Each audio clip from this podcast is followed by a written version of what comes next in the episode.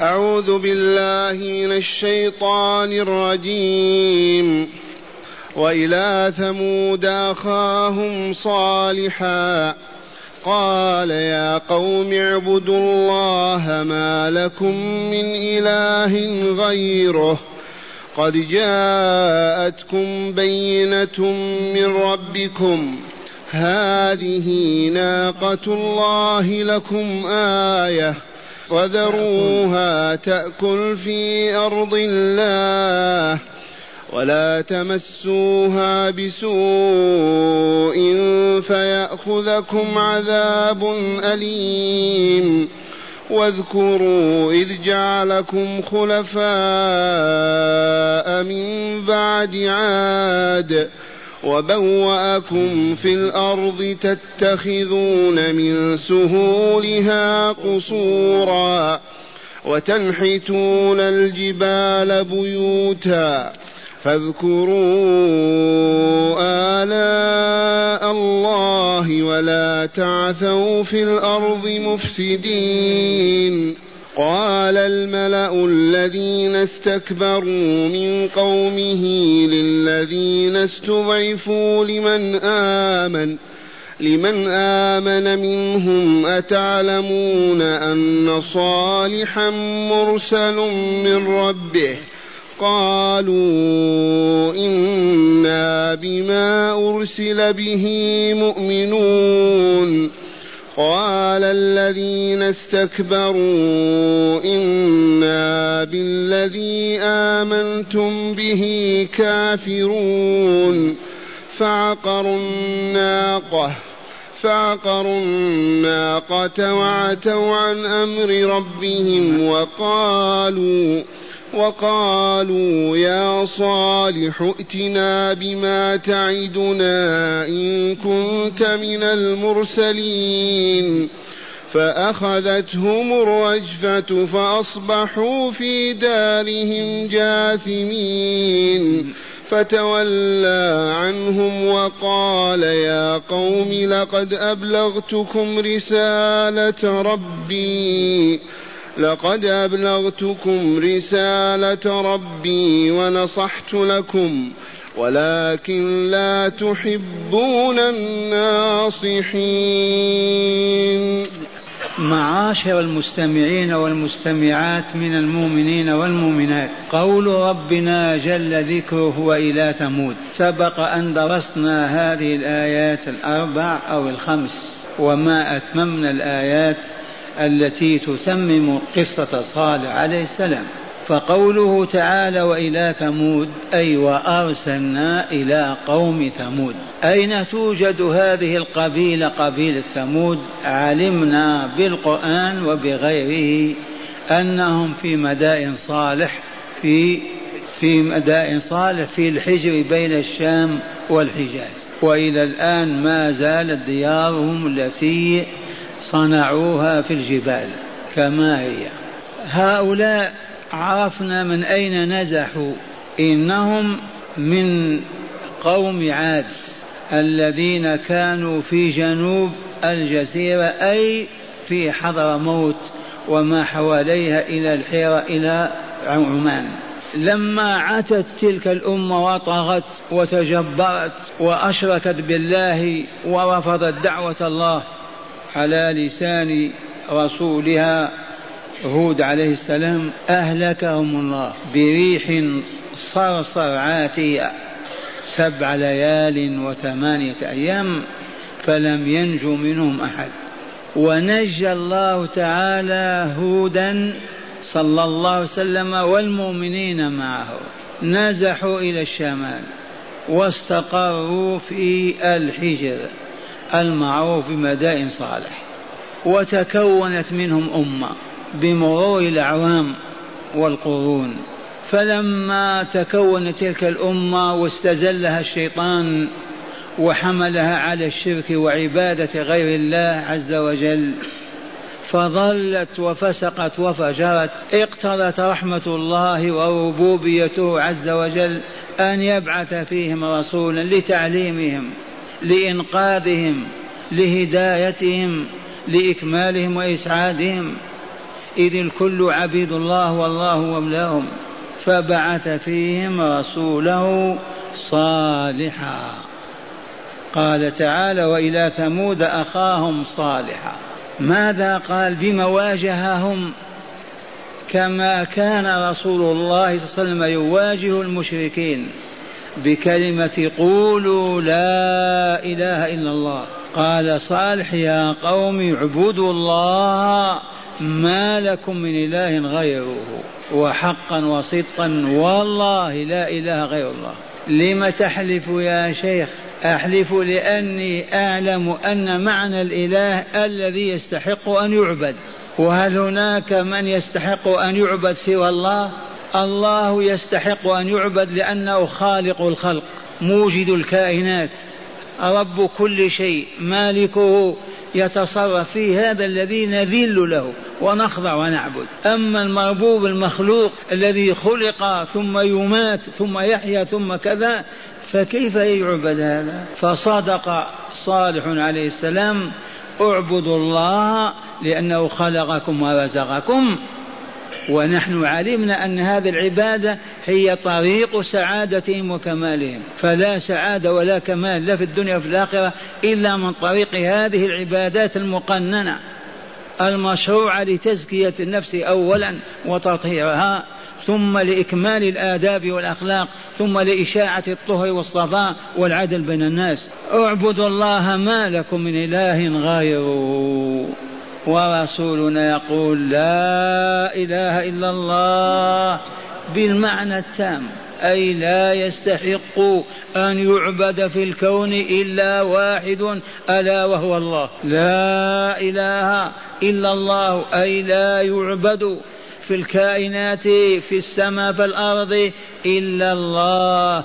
لأنه الخالق الرازق المدبر. لا تسأل لما هو الذي أوجدك والا لا وأوجدك الكون من أجلك وإلا لا وأنت تحيا برحمته وتعيش بلطفه وإحسانه. ما تعبده؟ تعبد من؟ إذا وقال لهم وقد جاءتكم بينة من ربكم. تدل دلالة قطعية على أني رسول الله إليكم وأنني أمرني أن أبلغكم أن تعبدوه ولا تعبدوا غيره من هذه الأوثان وهذه الأشجار والعيدان. قد جاءتكم بينة من ربكم. ما هذه البينة؟ الحجة الواضحة الدالة على وجود الله وعلى علمه وربوبيته وأنه لا معبود بحق إلا الله وأن صالحا رسول الله وأن القيام والساعة آتية لا محالة والجزاء هنالك. ما الذي يدل على هذا؟ الناقة. هذه ناقة الله لكم. آية. الناقة تعرفون النوق والجمال وهذه الناقة لما تحدوه ما عاش معهم سنة ولا عشرة. قالوا إن كنت رسول الله كما تزعم حقا ادعو الله يخرج لنا ناقة من هذا الجبل. نؤمن لأنهم مصرون على عبادة الشيطان. تلك التماثيل والأصنام التي يعكفون حولها ويعبدونها. هكذا. إذا فقام يصلي ووضع يديه على صدره هكذا وضم رجليه ما فحش كما يفعل الجاهلون. هيئة التواضع. ما زال يدعو حتى تصدع الجبل وخرجت منه ناقة عشرة جنينها في بطنها. من صنع هذه الناقة؟ أين الآلات؟ أين الأدوات؟ أين أين هذه صنع الله الذي يقول للشيء كن فهو يكون. ما يحتاج إلى مقدمات ولا إلى وسائل. هذه ناقة الله لكم آية. فذروها تاكل في أرض الله. خلوها تاكل في الأراضي التي ليست مملوكة لكم. الودان الشعاب الكذا. واتركوها. ولها أن تشرب ماء العين. الذي تشربونه يوما وحدها واليوم الثاني لكم أنتم. لها شرب ولكم شرب يوم معلوم. هذه آية أخرى. كون الناقة آية. وكونها تشرب ماء العين وحدها عين عذبة أهل البلاد يسقون منها. أما الآباء الأخرى فهي ملح. لا يشربون منها. واليوم الثاني تعتزل العين وكل خادم وعجوز وكبير وصغير يأتي بسطله بقدحه يحلب ما شاء يحلب. يتحول ذلك الماء إلى لبن. لها شرب ولكم شرب يوم معلوم ولا تمسوها بسوء فيأخذكم عذاب يوم عظيم. فاسمع ماذا قال لهم هذه ناقة الله لكم آية كما طلبتم فذروها اتركوها تأكل في أرض الله ولا تمسوها بسوء. لو ما قال في أرض قالوا ما تأكل في مزارعنا وحدائقنا وتفسد علينا فلاحتنا. قال تأكل كما تأكل الأنعام بعيدة عنكم. فيا ولا تمسوها بسوء أي بما يسيء إليها. لا بضربها لا بعصا لا بحجر لا بكذا لا بكذا. فيأخذكم عذاب أليم. أي إن أنتم مسستموها آذيتموها يأخذكم عذاب موجع أليم. في آية الشعراء عذاب يوم عظيم. قال تعالى واذكروا أي وقال لهم نبي الله صالح أيضا في هذا الموقف في هذا اليوم في هذه المواعظ هنا.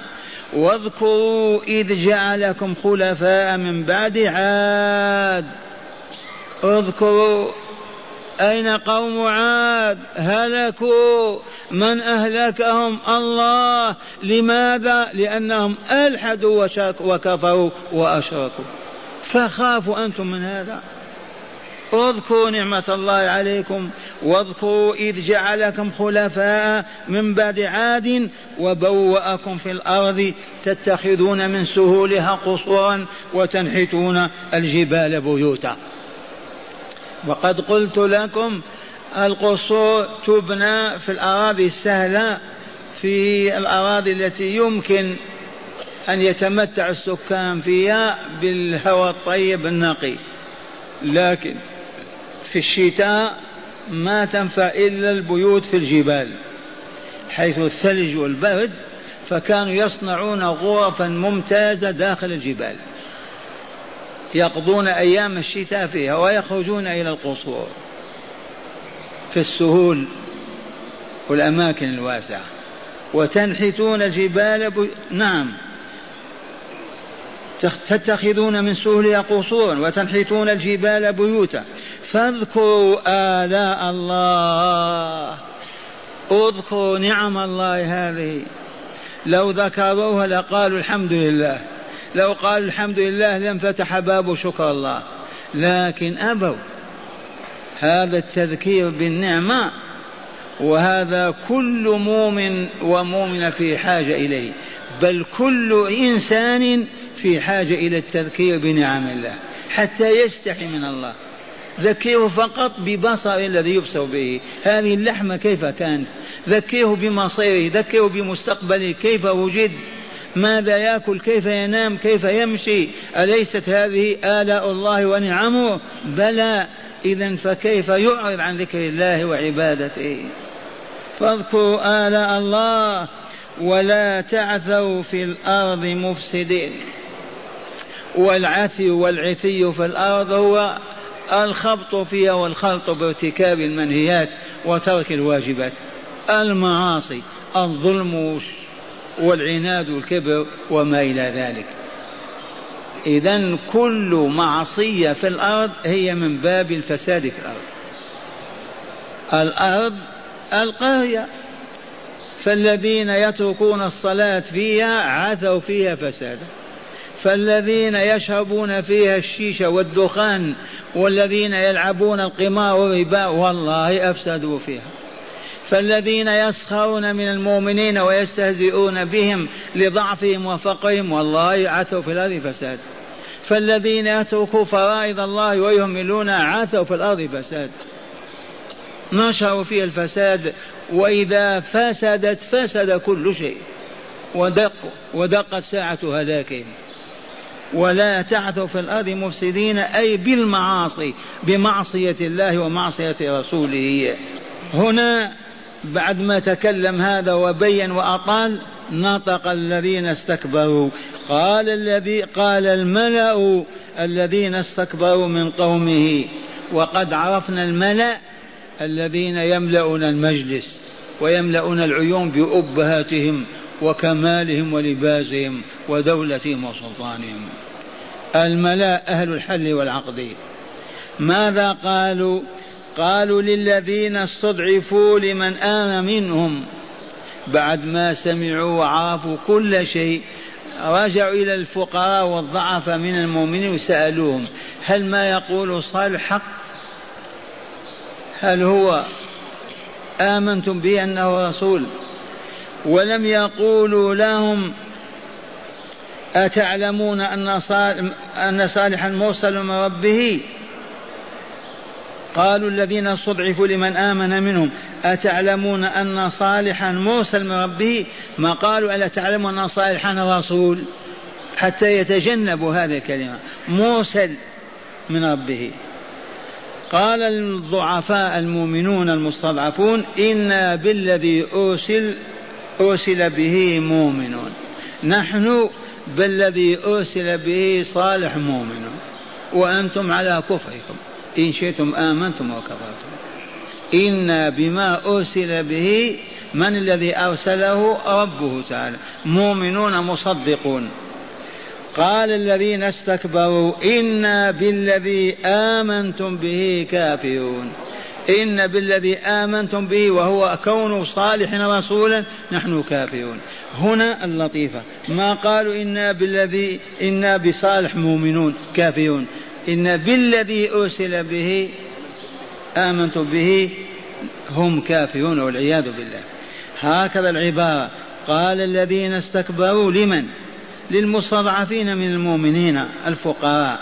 إنا نحن بالذي آمنتم به كافرون. أبوا أن يذكروا رسالة صالح والاعتراف بها. تحاشوا هذا. إنا بالذي آمنتم به نحن كافرون. وهنا ما بعد هذا إلا أن قال فعقروا الناقة. فعقروا الناقة. تلك الآية العظيمة عقره والعقر هو أن تضرب الناقة تجرح في رجليها تسقط في الأرض ثم تذبح. وهكذا يعقر الحيوان إذا ضربته في رجليه يسقط. عقروها وذبحوها. فعقروا الناقة. وقد علمنا أن غدار بن سالف لعنة الله عليه الذي أخبر عنه رسول الله صلى الله عليه وسلم شبيه بعقبة بن معيط هذا الطاغية هو الذي عقرها ومن مكره وخداعه ما عقر الناقة حتى أخذ موافقة أهل البلاد كلهم. يأتي إلى المرأة في بيتها ويستأذنها ترضين بعقر الناقة تقول استأذن وطلب الموافقة من عامة الشعب. ووافقوا. فأتاها وضربها في رجليها في حرب حربة وإلا بسكين فسقطت وذبحها. فعقروا الناقة وعتوا عن أمر ربهم أو ترفعوا وطغوا وتكبروا. ما استجابوا. دعوا إلى أن يقولوا لا إله إلا الله ويعبدوا الله وحده ويتخلوا عن عبادة ما سوى الله عز وجل وأن يؤمنوا برسالته وشرعه وما يقنن لهم. رفضوا ذلك وعقروا الناقة فنسب العقر إليهم باعتبارهم راضون موافقون.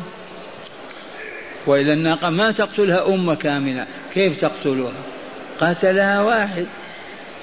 فمن هنا أهل القرية إذا رضوا بأن فلان عاهرة دارها للعهر سكتوا كلهم زناة. القرية فيها من يبيع الحشيشة.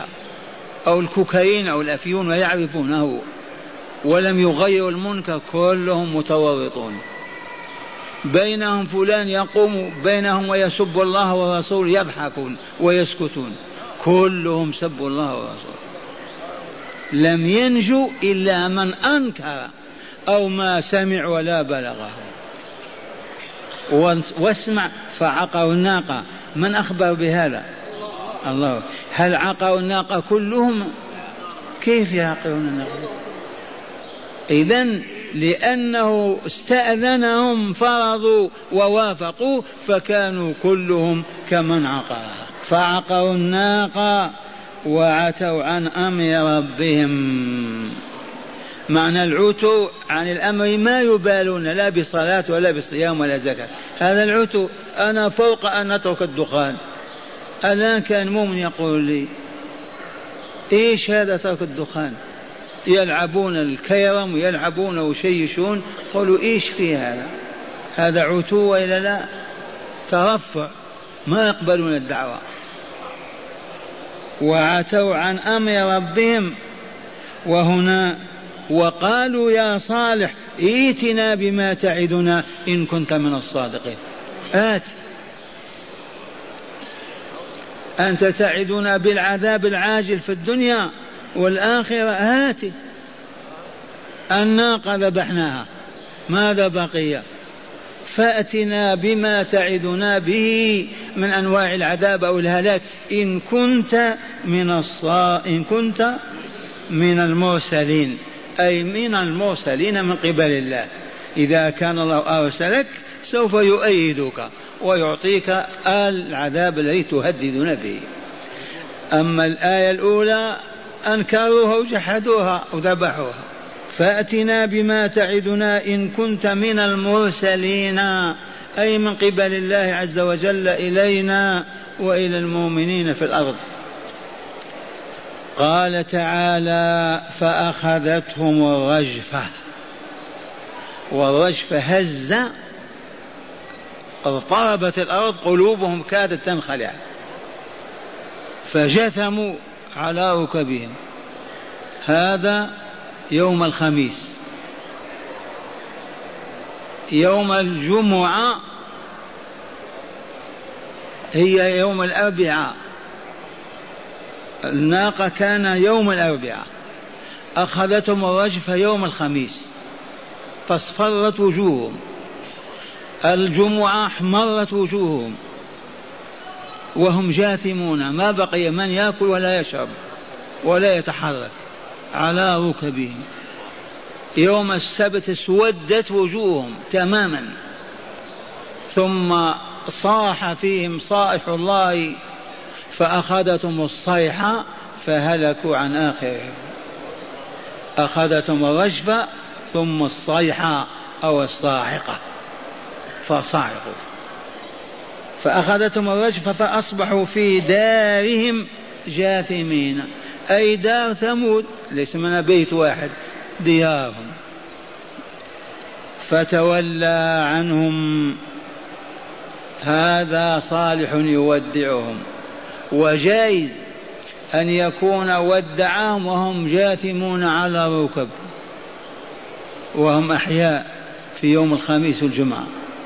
وجائز أن يكون لما هلكوا وقد بعد هو ومن معه من المؤمنين لما هلكوا جاءهم فشاهدهم فقال لهم ما أخبر تعالى به عنه؟ فقال يا قوم لقد أبلغتكم رسالة ربي. والله لكذلك. ونصحت لكم بأن تتركوا هذا العناد والكبر والفساد والشر وتعبدوا الله وتستريحوا ونصحت لكم ولكن لا تحبون الناصحين ودعهم والا لا وهكذا يودع الميت في. في قبره معاشر المستمعين اسمعوا قول الله تعالى كذلك نقص عليك من أنباء الرسل ما نثبت به فؤادك. هذه أولى فوائد القصص. أولى فوائده أن يثبت الله قلوب المؤمنين. وعلى رأسهم سيدهم صلى الله عليه وسلم ومن معه من المؤمنين. هذا القصص لما يعرض بالتفصيل في كتاب الله يثبت الله به قلب الرسول ويصبر كما صبر هود وصالح وشعيب وإبراهيم وموسى وعيسى. لاقوا كما رسولنا يلاقي من البطش والشدة والطغيان والكفر والشرك في مكة. كذلك نقص عليك من أنباء الرسل الذي ما نثبت به فؤادك وجاءك في هذه الحق وموعظة وذكرى للمؤمنين. كل القصص هكذا. ثانيا القصص يشهد بأن لا إله إلا الله وأن محمدا رسول الله. دليل ذلك أو برهانه من أنزل هذا القصص على رسولنا هل هناك من ادعى أنه هو الذي أوحاه إليه وقصه عليه؟ ادعوا دعاوى وفشلت قالوا أساطير الأولين اكتتبها. قال الله ما يكتب.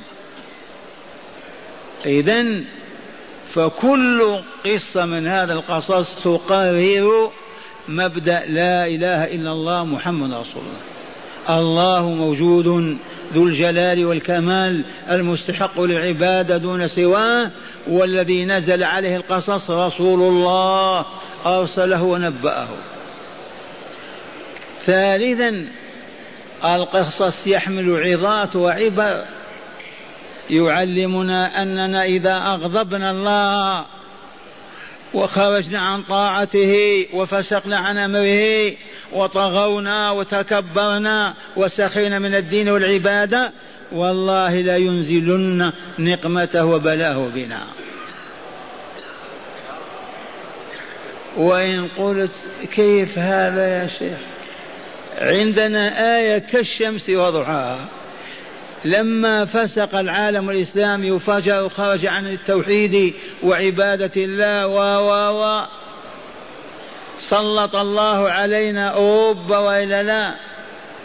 قولوا ما سادونا ما حكمونا ما أذلونا ما أخذوا أموالنا ما أهانونا ما ما حق ولا لا. من سلطهم؟ الجبار جل جلاله. لماذا؟ لأننا فسقنا عن أمره وخرجنا عن طاعته وأكبر برهان وأقوى دليل أن اليهود عصبة وليسوا بعصبة أيضا. حفن أذلاء سلطهم الله على العالم الإسلامي فأذلوا المسلمين. أذلوهم ولا لا؟ احتلوا ديارهم وحكموها ويواجهونهم بكلمة القوة. أين ألف مليون مسلم؟ نحلف؟ والله. لو أسلم أهل الأردن أو أهل لبنان أو أهل فلسطين أو أهل من سوريا أو أهل مصر هؤلاء المجاورون والله لو أسلمت فيهم أمة إسلاما حقيقية لشرد اليهود. بآيات الله أيضا. لم يصبحوا أهلا لأن يقاوموا. وأزيدكم والله لو يسلم المسلمون في يوم الأيام ويعلنون عن خلافتهم في الأرض وفلان خليفة المسلمين وكل الأقاليم تابعة للخلافة والدستور طبق واحد. والله لخرج اليهود. على فرض ما استطاعوا أن يوحدوا الخلافة. والله لو استقام المسلمون فقط وصلحوا واستقاموا لسلطنا الله على اليهود. إما أن تحدث حادثة بينهم بين أمريكا فتكشف عورتهم أو خداعهم فتقول العرب اضربوهم. وهذا لهم مثال الأحداث ما يعرفونه. حدث أن اكتشف هتلر والحزب النازي أن اليهود يبيتون مؤامرة ضد ألمانيا. انتبهتم؟ ما إن اكتشفها حتى أمر بذبح اليهود وقتلهم. فقتلوا عشرات الآلاف. من سلطهم؟ الله. ولهذا يقول الرسول الكريم صلى الله عليه وسلم لتقاتلن اليهود ثم لتسلطن عليهم. هذه العبارة ما تفهمها؟ أن هناك من يسلطنا ثم لتسلطن عليهم فتقتلوهم حتى يقول اليهودي حتى يقول الشجر والحجر يا مسلم هذا يهودي ورائي فاقتلوه. إلا شجر الغرقد فإنه شجر اليهود. شجر الغرقد كان عندنا في البقيع وما زلنا نسميه بقيع الغرقد. كان ينبت هذا الشجر هنا ينبت في الغابة عندنا في المدينة. هذا الشجر الآن يحتفي به اليهود ويكرمونه ويبجلونه ويسقونه سقايا خاصة. ويحترمونه لأنه لا يخبر عنهم. اليهود وراه ما يقول يا مسلم هذا بخلاف الزيتون وإلا النخل وإلا كرم وإلا عنب إلا شجر الغرقد. عرفتم؟ فلو أسلم فقط المسلمون دعنا من الحكم والخلافة. كلهم في ديارهم أقاموا الصلاة وجبوا الزكاة وانتهى الزنا والربا واللواط والفجور وكذا والله لا سلطنا الله عليهم. إما من قبل بريطانيا وأوروبا وإما من قبل أمريكا. إذا فالقصص معاشر المؤمنين والمؤمنات يزيد في إيمان المؤمنين إذا استمعوه وأصغوا إليه وتدبروه وتلوه. والله يقول لحبيبه ورسوله كذلك نقص عليك من أنباء الرسل ما نثبت به فؤادك. فالمؤمن ينتفع بهذا القصص. هذا أولا وثانيا تتجلى في القصص عظمة الله علم الله قدرة الله رحمة الله آيات الله كلها تتجلى في القصص الذي يقص علينا. هذا وإليكم هداية الآيات التي تلوناها مستنبطة منها. أولا أولا اتخاذ نعم. اولا اتحاد دعوة الرسل في الإيمان بالله والكفر بالطاغوت أي في عبادة الله وحده. كل الرسل من إن قلنا نوح هو أول الرسل ارسل المشركين من نوح إلى محمد صلى الله عليه وسلم دعوتهم والله واحدة. وهي لا إله إلا الله. لا يعبد نبي ولا ولي ولا عبد صالح ولا ملك ولا يتقرب بقبر ولا بشجر ولا بحجر أبدا. قلوبنا كلها مع الله. لا نلتفت إلى غير الله. ثانيا تقرير إرسال الرسل بالآيات وهي المعجزات. وآية الصالح أعجب آية في الآيات. بالأمس عرفنا أن لرسول ألف معجزة. كذا ولا لا؟ لكن أعظم معجزة في القرآن هي آية صالح. ناقة تخرج من جبل تشرب العين وحدها طول النهار يتحول ماؤها إلى لبن كامل. أي شيء أعظم من هذا؟ تقرير نعم وجوب تقرير إرسال الرسل بالآيات وهي المعجزات. وآية صالح أعجب آية وهي الناقة. ثالثا وجوب التذكير بنعم الله. إذ هو الباعث على الشكر والشكر هو طاعة الله ورسوله. فاذكروا آلاء الله. هيا نذكر آلاء الله. يوم كنا نشتري الماء بريال ويحمله رجال على أكتافهم. والآن نفجره في الحيطان كأن في الجنة. هل قلنا الحمد لله في صدق؟ كانت المرأة كانت فاطمة الزهرة ما المرأة؟ تطحن بيدها وطفلها على كت على ركبتها. وتأخذ ذلك الدقيق ولا منخل ولا غربال ولا ولا. وتقدم للجنرال علي بن أبي طالب. وأنتم تأكلون الخبز مصفى مهذب. وما فينا من يقول في صدق. الحمد لله. الحمد لله ماذا نذكر من نعم الله؟ كان أحدهم يمشي من المدينة إلى مكة على راحلته على رجليه يقضي عشرة أيام.